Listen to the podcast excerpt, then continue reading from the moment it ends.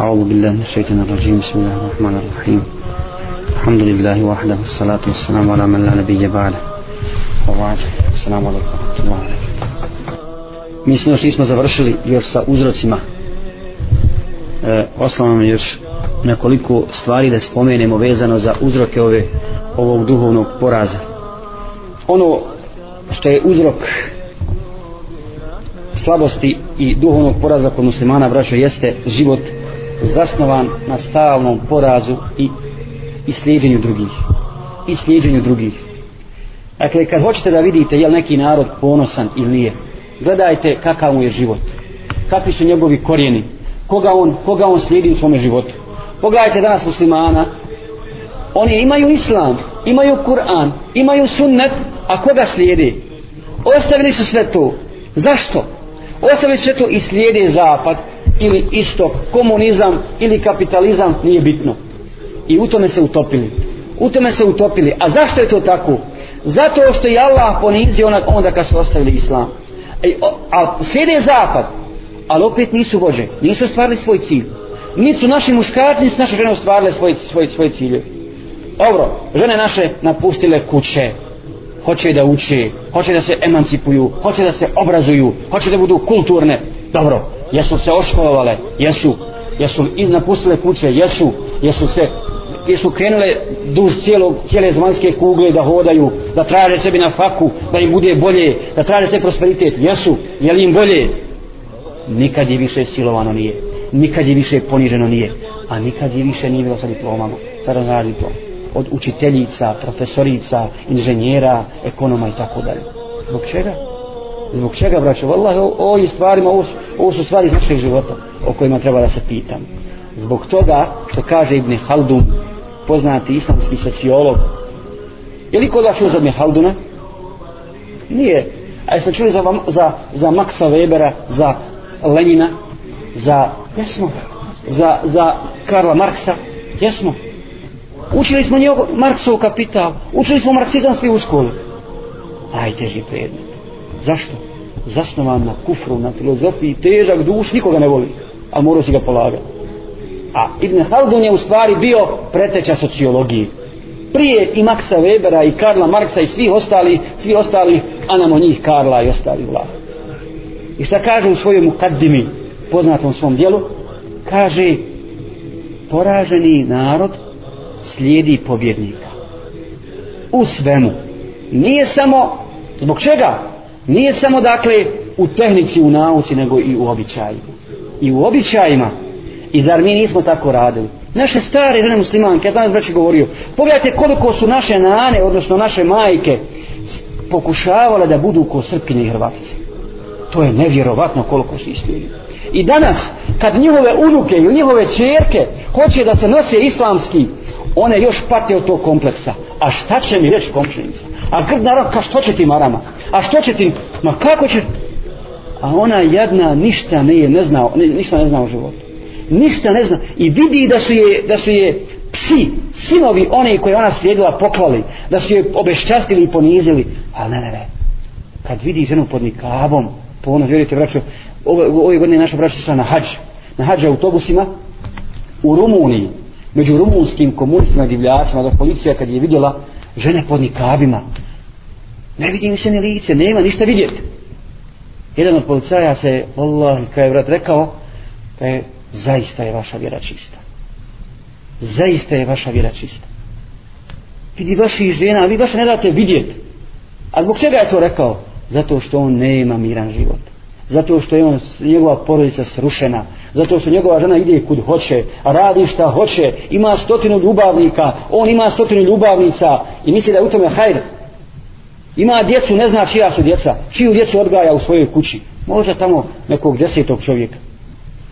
I vidi da je druže ne može naći smiraj osim tu, a naše nane i majke sa sjedom glavom i malo, malo još kose je ostalo na glavi, iziđu ništa. Na koga liči? Liči na muslimanke. I kad ide tako, kad vidi kakva je. Vidi je kakva je. Vidi šta radi. A njena, a njena majka to nosila. Ona je zapamtila to. A zapamtila taj vakat ali zbog propagande, zbog poniženja, zbog poraza, stidi se tog vakta. Stidi se tog vakta i nas su tako učili. A kad se spominje Turska, kad se spominje Osmanlije, kad se spominje muslimani, mi smo se stidili u školi. A kad se spomene Marko Kraljević, o, Sava Kovačević, jedan nepismeni brkati crnogorac, jedan, jedan, jedan srbin krivoslavac, koji je, koji je u istoriji zabilježeno da je, da je, svog, da je svog brata za jabuku ubio. Da je za jabuku ubio. Allah ja kad sam služio vojsku u Ohridu jedan, jedan kapetan prve klase je pitao jednog crnogorca iz, iz, onaj, iz Nikšića kada je zna jesu, oni su znali međusobno svoje relacije jedni drugi. Pa ga je smio pitati kada je, kaj, znaš ništa o Savi Kovaču njegovoj porodici? Koji znam kako ne znam kada je? On bio opasan da je bio prgav kada je bio nepismen glup bio Kaj, no, kaj je bio Igori on je kaj svog brata za stablo jabuke ubio. Pa Zato nisu mogli da podijeli miraž kad je posle čače kad je krepo kome će zapast jabuka i ubio kad je uzeo nož i ubio ga. Takve smo mi slijedili. Takve smo mi slijedili ne, ne oni i mi smo se takvima ponosili svi smo gledali otpisane svi smo se divili partizanima njihovim, njihovim, njihovim, njihovim hrabrosti. A ko je tu najviše pokazao opet hrabrost? Muslimani. Procentualno najviše muslimana izginulo. I u prvom i u drugom svjetskom ratu i za vreme Austro-Ugarske. Svi su imali naše muslimanske jedinice naprijed, naprijed da idu da oni, da oni ginu. Dakle pod tuđom zastavom pod tuđom zastavom smo se borili i pokazio zbog čega zbog poniženja i zbog poraza. Dakle i slijediš kjafira i kad si poražen i onda ti se njegovo zlo čini dobrim. Njegov običaj čini lijepim a svakako ružan. I pogledajte danas kako kaže član sa selem slijedit ćete one posle vas stopu po stopu pedalj do po pedalj pa kaže kad oni ušli u mišiju u, gušterovu rupu i bi za njima. I vi za njima. Pa kaže ja Rasulullah jesu to židovi kršćani? Pa ko bi drugi bio? Ko će drugi? A u jednoj predaji stoji kad bi oni učinili zinalog sa svojom majkom i vi bi to učinili. Na kakav je običaj? Ima li veze sa ljudskom kulturom i civilizacijom držati pse u kući? Držati džukele u kući? Danas je muslimani nose u naramcima ko unu, ko unu, ko unučad, ko koji, i, i, i vallahi, i to je žalosno, to je žalosno, nije smiješno. Ja sam uz Ramazan u Sarajevu ustaju na sehur, na sehur, na sehur ustaješ u dva, u tri sata, i na noćni namaz, i ono, snijeg pada, gledaš kroz prozor, Bošnja izvod suku dole na, na, na mokrenje, da mi mokrenje. Neće se na sehur, ma ne, na, na, ne mora na sehur, na, na sabba, na sabba i u zimskom i noćnom no, i, u, i u ljetnom periodu, kad je seba uše u 7 sati, duga noć, počnem, ne, ne, ne, a od suku izvest, ej. I umjesto da, umjesto da voda i sa sobom unuke, unuke i sinove, voda i cuke. A ako neko od muslimana ima petero djece, kada uh, za osto, brate. Jes primitivan, četvero, petro djece ima Pogledaj dokle, pogledaj kako poniženje kad dobro postane zlo, a zlo postane dobro. Kad se sve tumbe, kad se sve tumbe okrene. E to je onda zaista, zaista veliko, veliko strašno, strašno poniženje. Poniženje za muslimane. E, Oslavno mi još nekoliko stvari da spomenemo vezano za uzroke ove, ovog duhovnog poraza. Mi smo spominjali do sada unutrašnje uzroke. Spomenut ćemo još nekoliko vanjskih uzroka koji djeluju i te kako djeluju i reflektuju se imaju svog velikog odraza na stanje muslimana i djeluju poražavajuće i ponižavajuće za njih e, prvi od tih uzroka jeste od tih vanjskih uzroka jeste veličanje Allahovih neprijatelja koji danas dominiraju u pogledu tehnike, u pogledu nauke, u pogledu e, vojne industrije, naoružanja i tako dalje. Tako da u očima muslimana kad se spomene Amerika, kad se spomene Rusija, gotovo srce zadrhti. E, ne, Amerika je simbol napretka, simbol snage, simbol e, e vladanja svijetom i svi u Ameriku gledaju. Šta Amerika kaže, to je zakon. I ima, neuzubillahi, muslimani imaju takav osjećaj i stiču takav dojam na osnovu svega što vide pred sobom, da ne možeš ništa sakriti od njih. Ne možeš ni tajno ni javno djelovati. Oni imaju svoje specijalne grupe specijalne organizacije obučene ljude obučene špijune. Tako da ti nema šanse da djeluješ na bilo kojem polju a da te ne otkriju. A da te ne otkriju i da onda ne poduzmu određene sankcije sankcije protiv tebe. Wallahi, čovjek koji tako razmišlja on nije nije shvatio ispravnu akidu nije shvatio da je Allah Đelešanohu tvorac i gospodar svega postojećeg i da je on vladar da on vlada svim stanjima i svim, situaci, svim situacijama i da su njegove vojske brojnije da su njegove vojske jačije kao što kaže uzvišeni oma ja'lamu džunuda džunuda rabbike illa huwa. Vojske tvoga gospodara ne zna niko osim on. Samo Allah Đalešanuhu zna broj njegovih vojnika koji rade na uzzanju Allahove, uzzanju Allahove vjere. I pored toga ne treba ti niko ako te gospodar svjetova pomogne. Ako si na ispravnom putu sigurno ćeš, sigurno ćeš biti, biti pobjednik. Zatim neprijatelji poznajući našu slabost iskorištavaju iskorištavaju idejni rat idejn, idejnu borbu protiv muslimana zbog tog duhovnog zbog tog duhovnog poraza i koriste je koriste je protiv protiv nas sljedeća stvar koju želim spomenuti koja utiče na taj duhovni poraz muslimana jeste peta kolona braća među muslimanima. Koliko samo munafika koliko samo petokolonaša koji rade na razbijanju ovoga ummeta koji rade koji rade i pomažu kafirima u njihovoj borbi protiv muslimana za sitan novac za sitan novac za male za male pare. I onda školuju se kod njih a rade kod njih oni ih pronađu na fakultetima u srednjim školama na zanatima i onda ih povedu odškoluju plaćaju finansiraju da bi da bi bili njihovi špijuni da bi izdavali izdavali muslimane. Zatim zbog, to, zbog te duhovne slabosti a, također jednu stvar koju koriste nevjernici jeste ono što je rekao Louis IX francuski kralj kada je bio zarobljen u Egiptu kada su pokušali da porobe muslimane da osvoje Egipat pa je bio on kao, kao vođa njihov zarobljen četiri godine u Egiptu. Bio je u zatvoru. Posmatruo je slušao e, dolaze do njega razna literatura i tako dalje. Razmišljao o načinu kako da se porobe muslimani.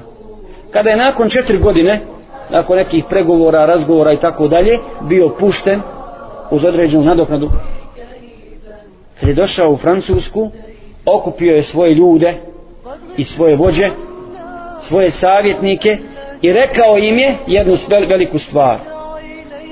Nemojte se zanositi iluzijama da možete muslimane ikada poraziti vojnički. Nema šansi. Bez obzira koliki je naš broj bio ne možemo ih poraziti time.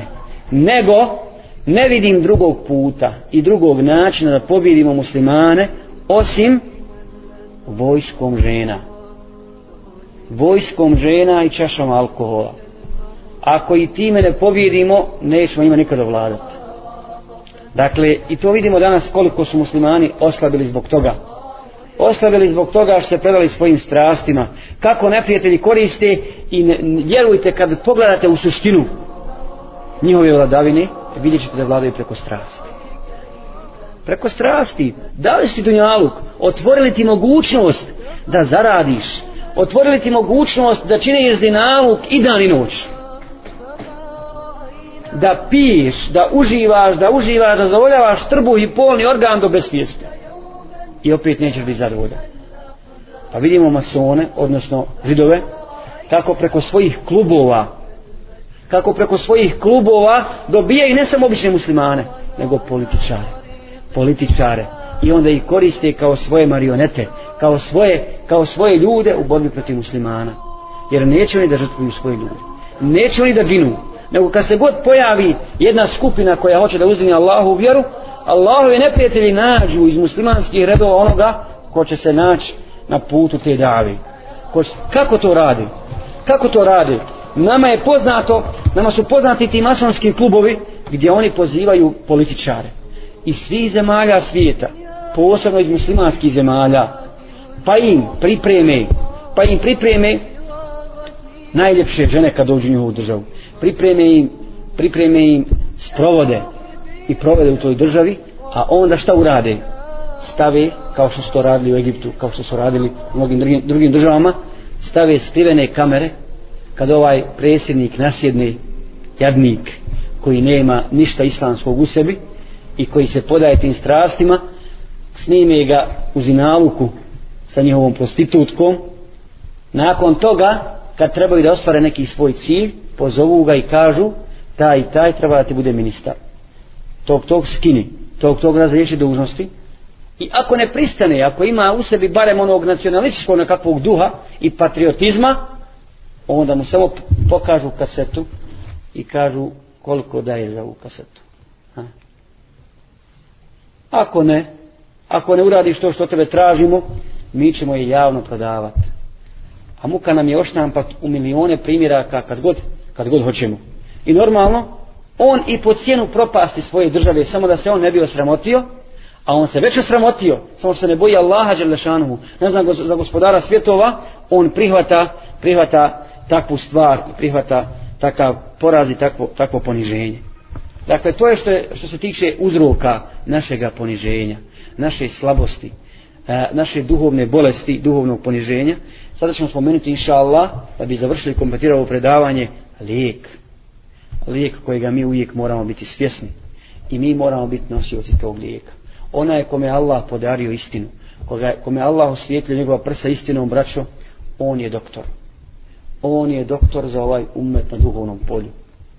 I ako ne budemo mi radili na liječenju ovoga umeta onda nema nema šanse za dugo da se, da se ovaj umet izliječi. Prva stvar i prvi lijek jeste da znamo da postoji ta bolest. Da znamo da postoji bolest koja se zove duhovni poraz poraz muslimana i da znamo da je njen uzrok slabost slabost imana. A onda da radimo na čemu? Prva stvar. Odgoj odgoj naših mladih generacija i svih postojećih generacija. Ljudi, bili oni stari bili mladi, bili muškarci bili žene, na islamskoj akidi. Na islamskoj akidi. Wallahi, to je glavna stvar, to je temelj. Kad musliman spozna svoje vjeru zato mi puno govorimo o akidi.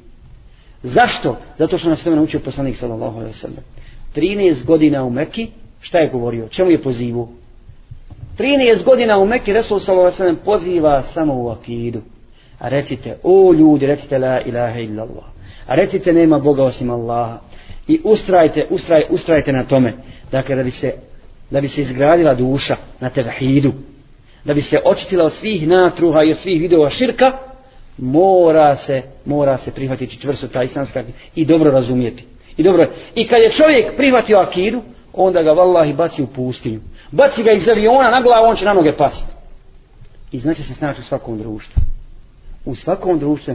Nije bitno hoće li on otići iz Bosne ili Sanđaka u Njemačku. Ne. Među budiste, među fašiste, među ove i među one, on zna svoj put. I neće samo on slijediti tu, nego će i druge pozivati. I druge pozivati tome. Jer Jusuf a.s. kao vjernika i kao Allahov poslanika nije ništa moglo spriječiti pozivanja o Allahu vjeru i bačen u bunar i bio prodat kao običan rob i bio zatvoren u zatvor i stavljen na iskušenje sa, sa, ženom, sa ženom ovoga vladara nije htio učiniti to. I strpali ga u zatvor nevinog. Je li Jadikovo je li Tugovo u zatvoru?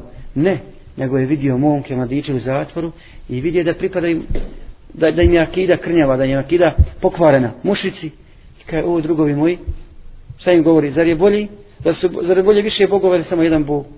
Jedan istinski gospodar uči akidi uči vjerovanju, širi davu koristi svaki trenutak. Nije bitno jesi li u džihadu, jesi li na poslu jesi li u zatvoru.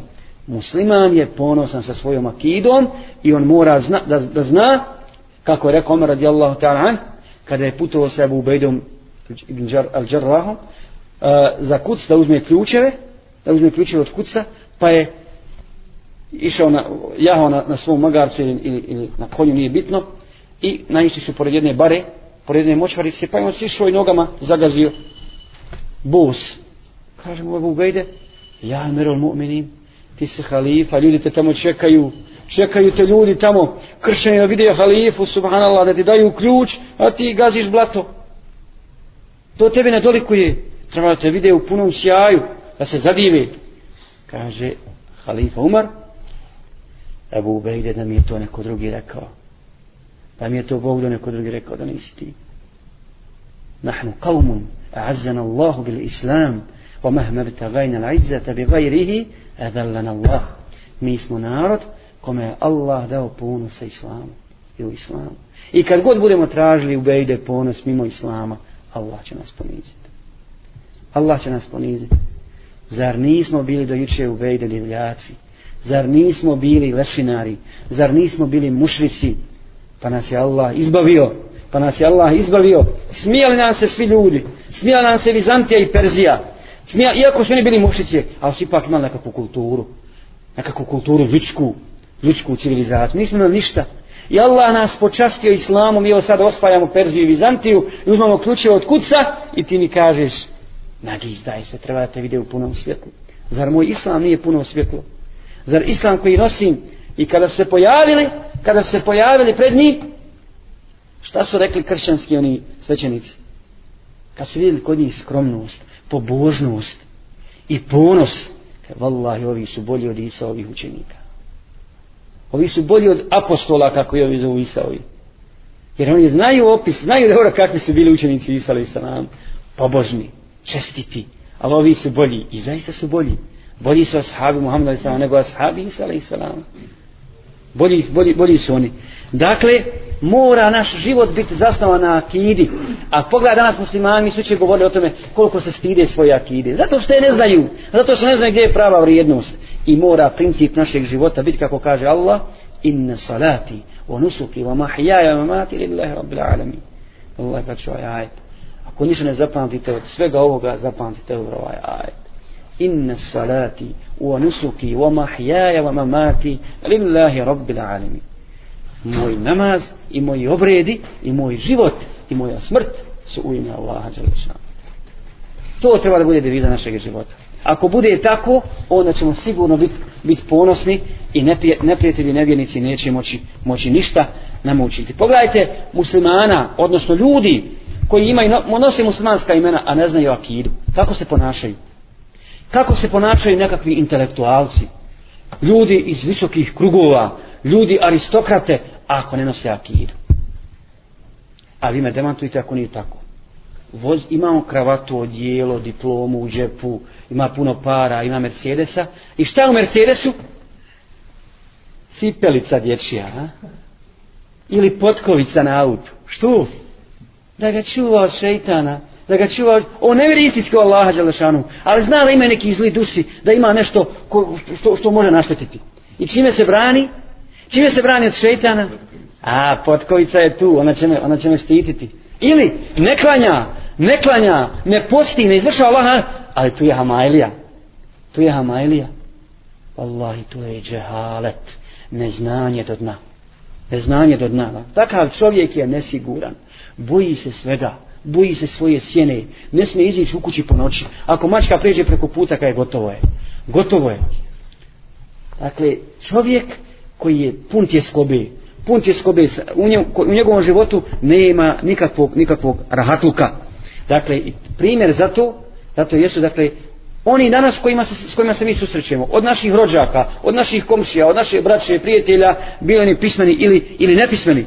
A pogledajte kako je, kako je s jednim muslimanom kada je Mu'tasim, halifa Mu'tasim, krenuo da spasi ženu muslimanku koja je bila ponižena, izišli su pred njega astrolozi. Dakle, jedna žena muslimanka u kršćanskoj državi Amuriji tražila je pomoć. Izišla je na put i jedan kršćan je ošamario. I ona je u tom silnom jadu i tugi i nevoli dozivala Mu'tasima. Ja, Emirul Mu'mini, spasi me, izbavi me. I ovaj se nasmiju. Kaj zar misli da ćete čuti? halifa Mutesim da će ti doći u pomoć. Pa kad je došla vijest do Mutesima, spremio je vojsku. Spremio je vojsku. 900.000 ljudi. I kad je izišao, samo radi jedne muslimanke. Samo radi jedne muslimanke. Nije bila silovana. Ne, ne. Ali je obešćašena zbog kršćani nije ošamario. Izišao je i došli su astrolozi, šeitanini koji preko zvijezda gataju, I kaj nemoj izlaziti mu utasime. Kućiš, kući pošu, mi smo vidjeli loše znake. Loše znake smo vidjeli u ovoj godini, dakle, zvijezda se ne poklapa, bit ćeš poražen. Šta je rekao? Sponte se, ja sam kjafir u vas, a ja sam mu'min u Allaha, Đelešanu. Ne vjerujem ti vaše gatke, ni malo, ni najmanje. Niti će li to zastrašiti, ni zaplašiti. I otišao je, oslobodio tu ženu muslimanku i osvojio kršćansku zemlju, Amoriju, i uspostavio njoj Allahu zakon. Dakle, To je ponos, muslim, to je ponos muslimanski. I zaista musliman je takav. On je slobodan potpuno. To je prava sloboda. A nije sloboda kako oni kažu, kako nas je Marks učio i ostali, vjera je opijum za narod, jel?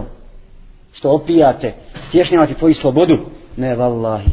Nema istinske slobode bez istinske pokornosti Allahu. Nema istinske slobode bez istinske pokornosti Allahu. Ako se ne pokoravaš Allahu, tada ćeš se bojati svakog. Tada ćeš biti kukavica.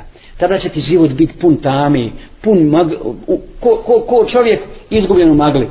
Uvijek ćeš kružiti samo samo na jed, oko jednog oko jednog mjesta jednom jednom stazom jednim putem dakle on zna komu je gospodar musliman zna komu je gospodar šta je njegov cilj on nosi svjetlo Allahovo u svojim u svojim prsi u svojim prsima zna da mu Allah daje obskrbu zna da mu Allah daje na faku neće zbog toga otići gataru. Neće, neće se razočarati kad je, kad je siromašan. Neće se razočarati kad je bolestan. Neće se razočarati kad je u nekakvoj tu, tu, tuzi i brigi nego će se pozeti gospodara svjetova.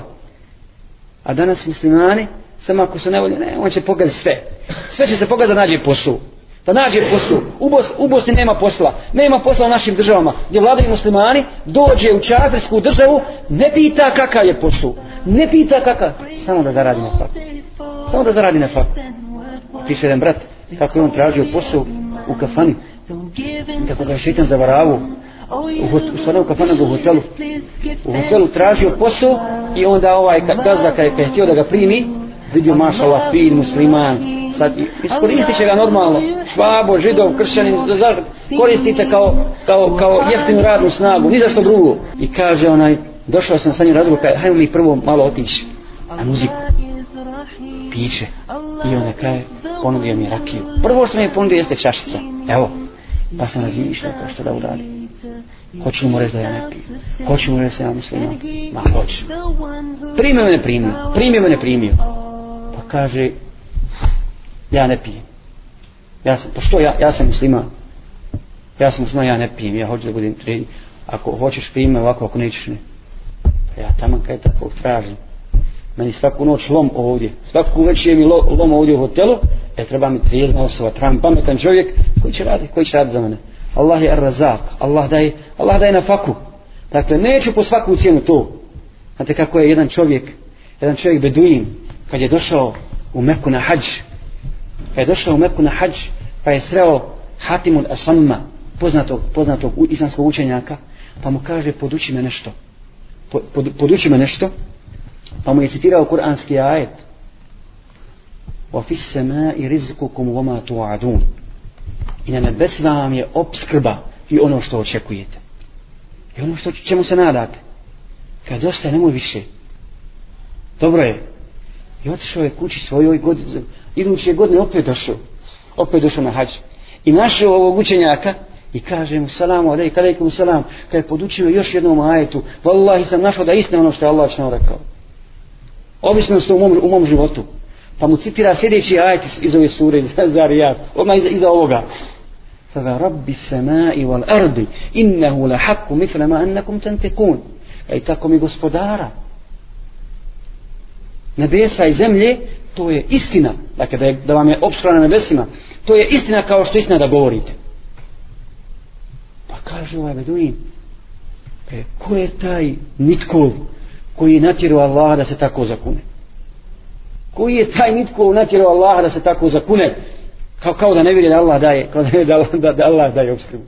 Beduin, nije uvjerio se da Allah daje obskrbu. Da je Allah razak da bez njegove pomoći i bez njegove obskrbe ne možeš živjeti ne možeš maknuti, ne možeš prstom mrdnuti vallahi bez Allahove moći. Ne možeš. I vjernik je, vjernik je toga svjestan. Zato sljedeći lijek koji vjernik upotreblja ili ili još jedna izraka koja je vezana za, a, za upravo ovog učenjaka. Kad su njega pitali na čemu ti ja šeh zasnivaš svoj tevekul na Allaha Đelešanu? Na čemu zasnivaš tele, vidimo da se, da se osnajaš na gospodara svijeta, da si pobožan, da si toliko stiguran, ko stijena stamen, stamenog imana, kaj na četiri stvari. Na četiri stvari zasnivam svoj tevekul na Allah. Prvo, saznao sam da moji na faku neće pojest drugi niko. Ono što me određe, to sam ja pojest. I srce mi se smilo na tome. koliko je daje, ali to je moja napa, i neće niko drugi pojest. I srce mi se s tim smirilo. Drugo, saznao sam da niko moj posao neće uraditi umjesto mene. Pa sam prionuo da radim svoj, da se, da se, pripre, da se pripremam. I da radim svoj posao. Neće niko za tebe uraditi to. Treći, saznao sam, saznao sam da će smrt doći iznenada. Pa sam je pretekao. I pripremio se za nju. Kako? Ne može mene preteći kao vjernika. Izvršavam Allahove naredbe, klomim se Allahovi zabrana, kad god smrt dođe, ja spreman.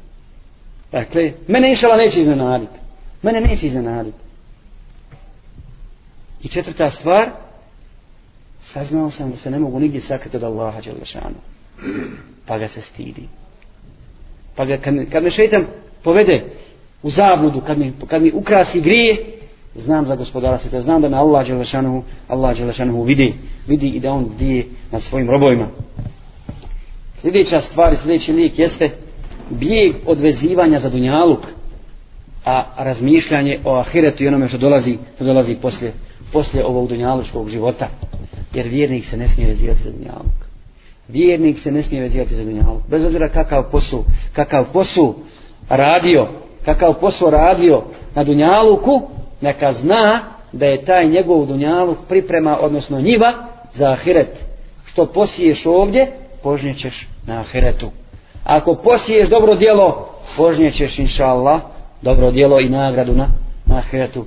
Ako posiješ loše djelo, požnjećeš kaznu, kaznu i kajanje teško na sudnjem, na sudnjem danu.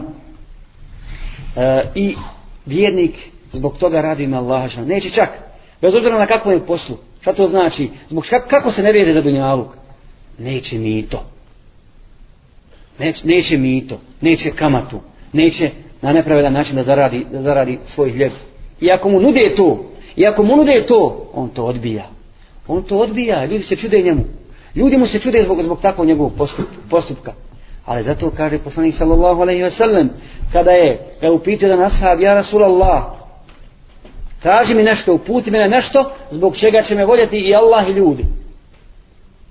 Kaže poslanik sallallahu alaihi wa sallam, izhed fi dunija, juhibbuka Allah, odreci se dunjavu kada ne veži se za njega bolje će te Allah. Izheb fima inda nas yuhibbuka nas. I ne veži se za ono ne traži ne žudi za njim što je kod ljudi bolje će te ljudi. Nemo biti pohlepan kada ovo šta ugledaš primam ne i kad ti nude hedije i kad ti nude odbijaj. Lijepo je primiti hediju ali nemoj da uvijek živiš živiš samo od toga. Nemoj da budeš parazit nego radi i trudi se da ti, da ti drugima, da ti drugima, da ti drugima daješ. Zatim, ispravno vraćanje na siru. Ispravno vraćanje na siru jedan baš od lijekova ove bolesti. A šta to znači? Ispravno razumijevanje sire. Wallahi u životopisu, u životopisu našeg poslanika Muhammeda sallam, veliki je ibret za nas. Veliki ibret. Kad krenemo od njegovog života, kako je počeo? Kako je počeo sa svojom misijom? Kad je sam bio? Kad je sam bio i kada je na Safi pozivao Kurejšije, pozivao svoje rođake i kad se iskupili oni svi, rekao im je, o ljudi, ja sam vam Allahov poslanik. Ja sam Allahov poslanik. Znaju da je čestit. Znaju da je, da je uvijek bio iskren. I kaže im, kad bi vam rekao da vojska ide iza ovog brda, bili mi vjerovali, kad bi, ti si el amin, povjerljivi. Kaže, znajte da sam ja Allahov poslanik. Kaže Abu Lahab, prokleti bio ostatak dana, zar nas zbog toga zvao. Pođite od tog dana. Od tog dana kad poslanik sa selem, tada kad mu ovaj nitko, njegov amiđa, govori, govori te riječi i kad on osjeća tugu u svojim prsima zbog toga i koliko borbe, koliko sabra, koliko iskušenja je prošao Resul sallallahu alaihi ve sellem, ali nije, ali nije, nije posustao. Nakon toga, dakle, kad je bio protjeran iz Medine, kad je bio, a toliko je volio Meku, toliko je svijetu mjesta, ne zbog zemlje, ne zbog zemlje, plodnija je zemlja u Medini, nego u Meki. Ali to je hram koji je sagradio Ibrahim, ali se tu je kibla, tu, tu su hodili Allahovi poslanici, i Allah je odabrao to mjesto, i kad je izišao iz, iz Medine, okrenuo se prema Kaabi i kaže tako mi Allaha da me nisu protjerali, ne bi nikad te napustio. ne bi te nikad napustio. Toliko je žudio za Mekom, volio Meku, ali je morao da iziđe. Morao da iziđe, a bio je siguran u Meku. Imao je, sve mu je tu bilo. I metak, i porodica, i sve, sve ostalo. Međutim, istjeruju ga, protjeruju, pa tajno pozivanje i tako dalje, pa mučenja, pa ubijanja, na kraju progon i nakon svega toga, nakon desetak godina, dakle, poslani sam sedam tada na Safi, sam, nikog nema. Nakon deset godina, ponovo na Safi. Ponovo na Safi poslanik sallallahu alaihi sallam. Allah vraća, ovo je životni put kojim treba, koj, kojim treba da idemo. tome nas naučio poslanik sallallahu alaihi sallam. Ponovo na Safi okupio koliko? 124.000 muslimana. Sa deset godina. I kaže im, hudu anni menasikakum Uzmite od mene obrede. hađa Svi gledaju u njega, svi slušaju. Okupio muslimane, okupio mu'mine, nosio se akide. Nosio se. Nije se pokolevo. Nije se pokolevo. Nije poslanik sa sve nakon što je ponudio Islam Meki, nakon što je ponudio Kurejšijama, nakon što, upot, nakon što je potrebio sve moguće načine koji su bili dozvoljeni da ih pozove u Islam i kada su oni odbili sve, osim da budu kjafir, da budu mušici i da umru na tome, je rekao poslanik sa sebe, evala ja sad idem u pećinu hira ponovno idem u svoju kuću, da i badetim Allahu Đelešanahu, kod Allaha imam opravdanje, ja sam pozivao koliko sam mogu, učinio sam sve što sam mogu, sad se posvetiti i badetu. Ne, nego traži plodno tlo, traži plodno tlo za, za, za sjeme Islama i Allah mu omogućuje to. Allah mu omogućava to. I tako su se ashabi za njim poveli. I tako je odgojio generaciju čvrstu. Čvrst temelj. E to je taj odgoj koji nama fali i koji nama treba Allah ne samo da, da, da smo se vratili po svojoj vanjštini islamu, ne, nego da naša suština bude jaka, da naša duše budu čvrste, čvrste u imanu, da nas ništa pokolevat ne može. Kad budemo imali takav temelj, onda možemo računati na islamsku državu, na islamsko uređenje društva. Zašto? Jer nema, nema, kad su pitali mama Šafiju, ili je bolje vladat, ili je bolje onaj, biti na iskušenjima. Šta je bolje za čovjeka vjernika? Kaj nema vladanja bez iskušenja. Nećeš doći na vlad bez iskušenja. Moraš proći taj, taj, taj put. I zato, kada su se svi muslimani pomurtetili, kada su svi napustili islam, nakon što su ga prihvatili, ko se nije pomurtetio? Abu Bakr, Omer, Osman, Alija i ostali ashabi koji su pr prvi primili islam. Oni su ostali čvrsti i borili se, kako kaže Abu Bakr, kad su prestali davati zekat, muslimani, tako mi Allaha, dok mi ne budu davali posljednji povodac od deve koji su davali poslaniku sa ja se bori protiv njih. Bođu se protiv njih dok ne uđu ponovo u islam i da svoj život na tom putu. Dakle ta čvrstina mora da postoji mora da postoji kod nas i jasnost u našem, našem cilju da to nećemo postići ako ne budemo na ispravan način od onaj proučavali, proučavali siru poslanika sallallahu alaihi wa sallam. Zatim odgoj na uzvišenim težnjama je lijek za, za ovaj duhovni poraz. Dakle, musliman mora da teži visinama. Ne smijemo se nikada zadovoljiti sa našim stanjem. Niti u pogledu učenja Islama, niti u pogledu našeg položaja, niti u pogledu našeg imana, moramo težiti, moramo težiti ka visinama. Moramo, je spominjali smo već Aliju kada je pitao svog sina Hasana komu je uzor, ko bi želio da, da, da bude, pa mu je rekao da je pogrešno ako izabere njega, nego idi dalje idi dalje, nemoj se zadovoljiti onome na čemu si. Jer kad se musliman zadovolji onim na čemu si, nego kad se musliman zadovolji svojim stanjem, zajedno sa nešto nije u redu. Sa njim nešto nije u redu. Zašto je to? Ako si zadovoljan sa samim sobom, znači li to da si postigu vrhunac imana? A ne možeš postići vrhunac imana nikada. Kako ne možemo? Kako ne možemo? Zbog čega ne možemo postići vrhunac imana? Zato što ne, osim poslanika, zato što si ti čovjek. I možete zamisliti čovjeka, možete zamisliti čovjeka koji sve izvršava ibadete, koji izvršava Allahove naredbe, kloni se Allahovi zabrana, a da nikad ne pogriješi. Neki takav. Ne možete ga naći. E zato posrneš, ne namjerno, namjerno, strah se zavede, šetan da zavede. I dok se opet digneš, dok se vratiš, dok kineš tu prašinu, a, znači, ne, ne možeš nikad dostići taj vrhunac. Kroz život dunjavski stalno usponi i padovi, usponi i padovi. Zato ne smiješ biti zadovoljni samim sobom. To kada je poslanik sa selem, kada molite Allaha Đalešanuhu za džennet, molite za džennet i firdaus. To je najuzvišeniji džennet. To je najbolji džennet. A ne samo, kako mnogi kažu, da mi je samo se uđi džennet. Samo da mi je uđi. Samo da mi, jes. Svaki da se spasi od džennemske vatre. Ali zašto ne težiš, zašto ne težiš najboljem džennetu? Zašto ne težiš najboljoj, najboljoj nagradi? I ono čak od Dunjaluka, nije samo u pogledu imana, u pogledu ibadeta, u pogledu Dunjaluka, da, i to smo spominjali. Iskoristite, iskoristite tu priliku. Nauči, nauči zanat, radi, radi za islam, žrtvuj svoj novac, žrtvuj svoje vrijeme. Jer kaže poslanik se, treniraj, vježbaj, pripremaj svoje tijelo i svoj duh. Jer kaže poslanik se sallam, al muminu qaviju hajru min mu'min da'if.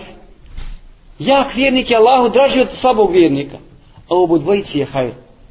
Ali je ovaj jači, draži Allahu, draži Allahu Đelešanu. Znači zbog toga vjernik se mora posvetiti radu za ahiret. Zatim udaljavanje od, od pesimizma, od pesimizma i suje, i suje vjerja. Musliman ne smije biti pesimista u pogledu pobjede Allahove vjere. Nikada, nikada. Wallahi Allahu obećanje istina. Allah Đelešanu šanehu kaže: وعد الله alladhina amanu minkum wa 'amilus salihati في الأرض fil ardi kama istakhlafa alladhina min qablihim wa الذي lahum dinahum alladhi lahum." Allah dželle šanehu je obećao onima koji budu vjerovali od vas i čini dobra djela da će ih postaviti namjesnicima na zemlji. Kao što je postavio one one prije, one prije njih i da će im učvrstiti vjerovanje s koje, s koje oni vole ili s kojim je, s kojim je Allah Đelešanuhu zadovoljan vale yubaddilannahum min ba'di khawfihim amna. I da će im strah zamijeniti sigurnošću da će im strah zamijeniti sigurnošću a muslimani danas žive u velikoj nesigurnosti u velikom strahu u velikom strahu. Zato što se ne boje istinski Allaha Đelešanuhu što su okrenuli leđa Allahu i knjizi sunetu poslanika sallallahu alaihi ve sellem. zatim mor, moramo znati i vjerovati čvrsto da je konačna pobjeda islamu. Da je konačna pobjeda islamu zato kada je poslanik sa salam neće doći sudnji dan dok se ne sukobite sa židovima tako da će i kamen i drvo govoriti o muslimanu evo židova ubiga. Evo židova za mnom ubiga. Sahih hadis. Vjernik vallahu to vjeruje.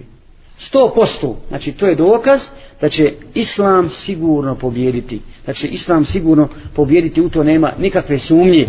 Ali neće ni Mehdi ni Isa ali i selam braćo doći u mrtav ummet. Neće. Nek sad pojavi Mehdi. Nek sad pojavi Isa ali i selam ko će ga podržati od muslimana?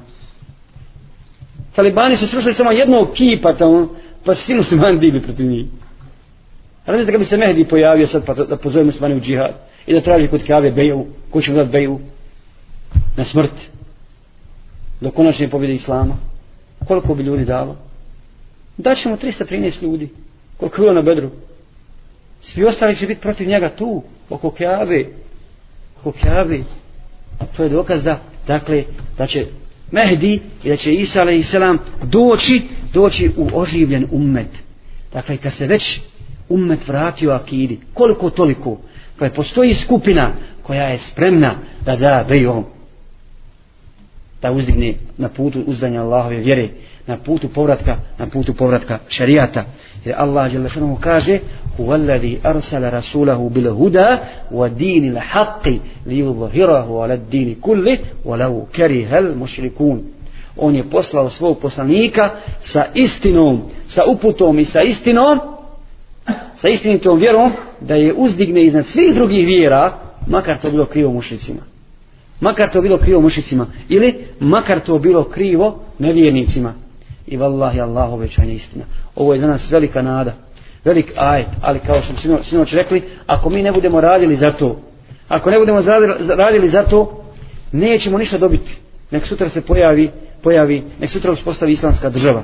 Da moramo biti optimisti, moramo raditi na polju dave, raditi na polju naređivanja dobra, zabranjivanja zla, prije svega u svojim porodicama, među svojom djecom, među svojom rodbinom, pozivati i ustrajati u tome tu nemojte vallahi očajavati, ne smijete biti pesimisti.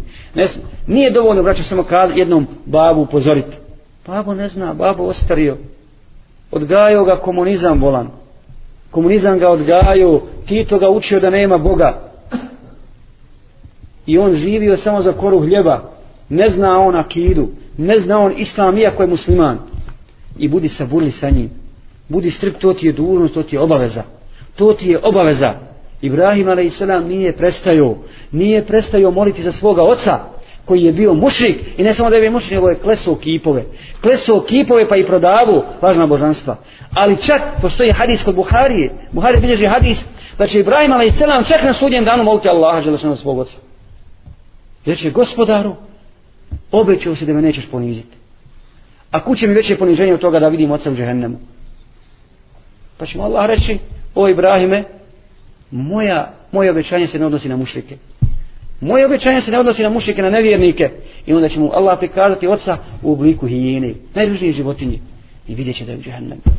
Znači ga nema, nema spasa.